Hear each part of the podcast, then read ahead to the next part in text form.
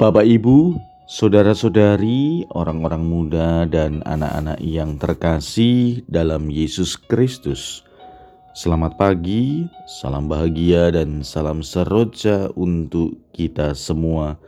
Berkah dalam bersama dengan saya, Romantonius Garbito Pamboaji, menyampaikan salam dan berkat Allah yang Maha Kuasa dalam nama Bapa dan Putra dan Roh Kudus. Amin.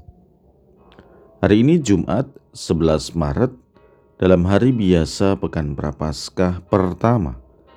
Bacaan pertama dalam liturgi hari ini diambil dari Nubuat Yeskiel bab 18 ayat 21 sampai dengan 28.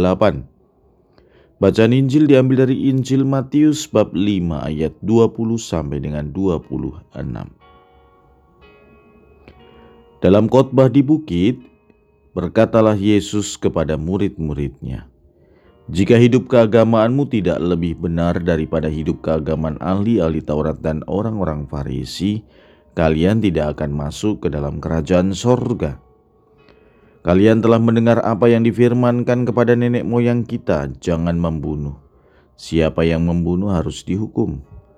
Tetapi aku berkata kepadamu, setiap orang yang marah terhadap saudaranya harus dihukum. Barang siapa berkata kepada saudaranya kafir, harus dihadapkan ke mahkamah agama, dan siapa yang berkata jahil harus diserahkan ke dalam neraka yang menyala-nyala. Sebab itu jika engkau mempersembahkan persembahan di atas mesbah dan engkau teringat akan sesuatu yang ada dalam hati saudaramu terhadap engkau, tinggalkanlah persembahan di depan mesbah itu dan pergilah berdamai dahulu dengan saudaramu lalu kembali untuk mempersembahkan persembahan itu. Segeralah berdamai dengan lawanmu selama engkau bersama-sama dengan dia di tengah jalan supaya lawanmu itu jangan menyerahkan engkau kepada hakim dan hakim itu menyerahkan engkau kepada pembantunya dan engkau dilemparkan ke dalam penjara. Aku berkata kepadamu, sesungguhnya engkau tidak akan keluar dari sana sebelum engkau membayar hutangmu sampai lunas. Demikianlah sabda Tuhan. Terpujilah Kristus. Saudara-saudari yang terkasih, sabda Tuhan dalam bacaan pertama hari ini menyampaikan bahwa Tuhan menunjukkan wajah kerahimannya. Tuhan tidak menghitung-hitung kesalahan manusia, tetapi Ia senantiasa melihat iman dan kepercayaan kita.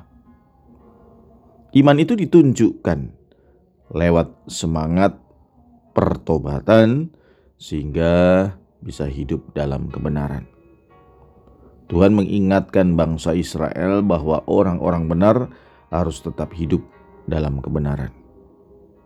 Harus ada konsistensi dalam hidup mereka. Namun ketika orang benar berbalik menjadi orang fasik, maka ia akan mendapat hukuman bahkan sampai mati. Sebaliknya, Ketika ada orang fasik bertobat dari kehidupan lamanya, maka kehidupan kekal akan ia nikmati. Inilah kerahiman Allah. Yesus dalam Injil hari ini menasihati para murid agar hidup keagamaan mereka tidak seperti hidup keagamaan ahli Taurat dan orang-orang Farisi. Mereka rajin dan tekun dalam menjalankan hidup keagamaan mereka. Namun, praktek hidup mereka jauh dari itu, bahkan tidak menunjukkan bahwa mereka mengenal Tuhan. Yesus mengajak para murid untuk beriman secara mendalam, bukan bersifat lahiriah atau luaran.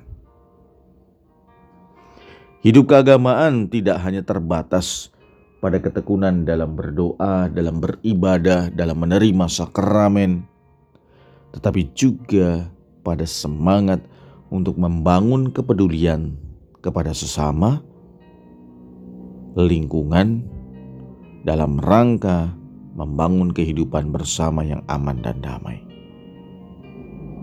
Nilai hidup manusia harus dihargai, sehingga Yesus kemudian berbicara tentang kemarahan sebagai akar dari pembunuhan. Kemarahan itu seperti api kecil, makin lama makin membesar, sehingga menyebabkan kebakaran. Saudara-saudari yang terkasih, marilah kita belajar untuk senantiasa mempunyai hati seperti Allah. Ia mengampuni kita. Ia Maha Rahim, sehingga kita juga harus bersedia berbuat yang sama, berdamai dengan sesama, berdamai dengan diri sendiri, berdamai dengan lingkungan hidup kita. Semoga pengampunan ini menjadi persembahan berharga kita kepada Allah. Marilah kita berdoa. Ya Tuhan yang Maha Rahim, semoga rahmat pengampunanmu dalam masa prapaskah ini menjadi kesempatan bagi kami untuk merasakan damai sejahtera pada sesama dan diri sendiri. Berkat Allah yang Maha Kuasa, dalam nama Bapa dan Putra dan Roh Kudus. Amin.